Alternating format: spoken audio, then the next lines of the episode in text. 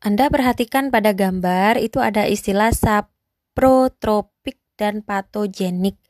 Nah, kalau yang patogenik sudah tahu ya artinya. Artinya adalah dapat menyebabkan penyakit. Tapi kalau saprotropik itu dalam bahasa Indonesia disebut dengan saprofit. Apa saprofit? Berarti dia menempel, menghisap sari-sari makanan dari inangnya tapi tidak menjadikan dia sebagai parasit. Contohnya, fungi yang ada di kayu yang lapuk. Kira-kira kayunya sakit enggak? Kayunya kan mati ya. Kemudian funginya nempel. Nempel di situ menghisap nutrisi-nutrisinya.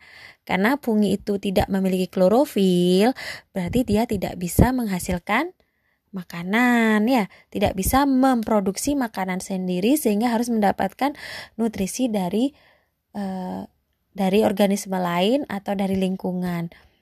Nah, Anda perhatikan itu pada saat sapro tropik atau saprofit suhunya berapa?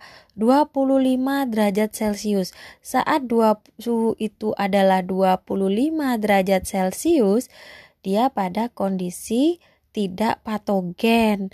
Nah, ketika suhunya naik, suhu lingkungannya naik 37 derajat Celcius, maka dia berubah bentuk.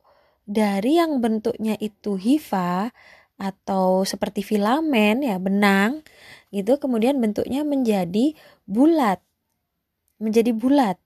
Nah, ternyata ini adalah bentuk yang patogen. Kenapa dari ukurannya dia bisa mudah terhirup. Nah, ketika sudah masuk ke dalam tubuh dia akan uh, membentuk uh, bentukan yang lebih besar karena nyaman kan tinggal di lingkungannya. Nah, ingat jadi dia akan berbentuk filamen ketika suhunya 25 derajat.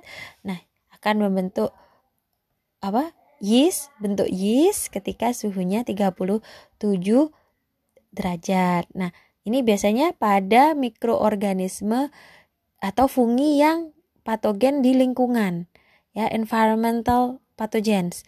Nah, itu pada suhu filamennya itu adalah 25 derajat. Tapi pada kandida ini beda. Jadi dia berbentuk filamen ketika suhunya 37 derajat karena kandida adalah komensal patogen ya seperti pada slide sebelumnya yang berisi berisi tabel-tabel tadi.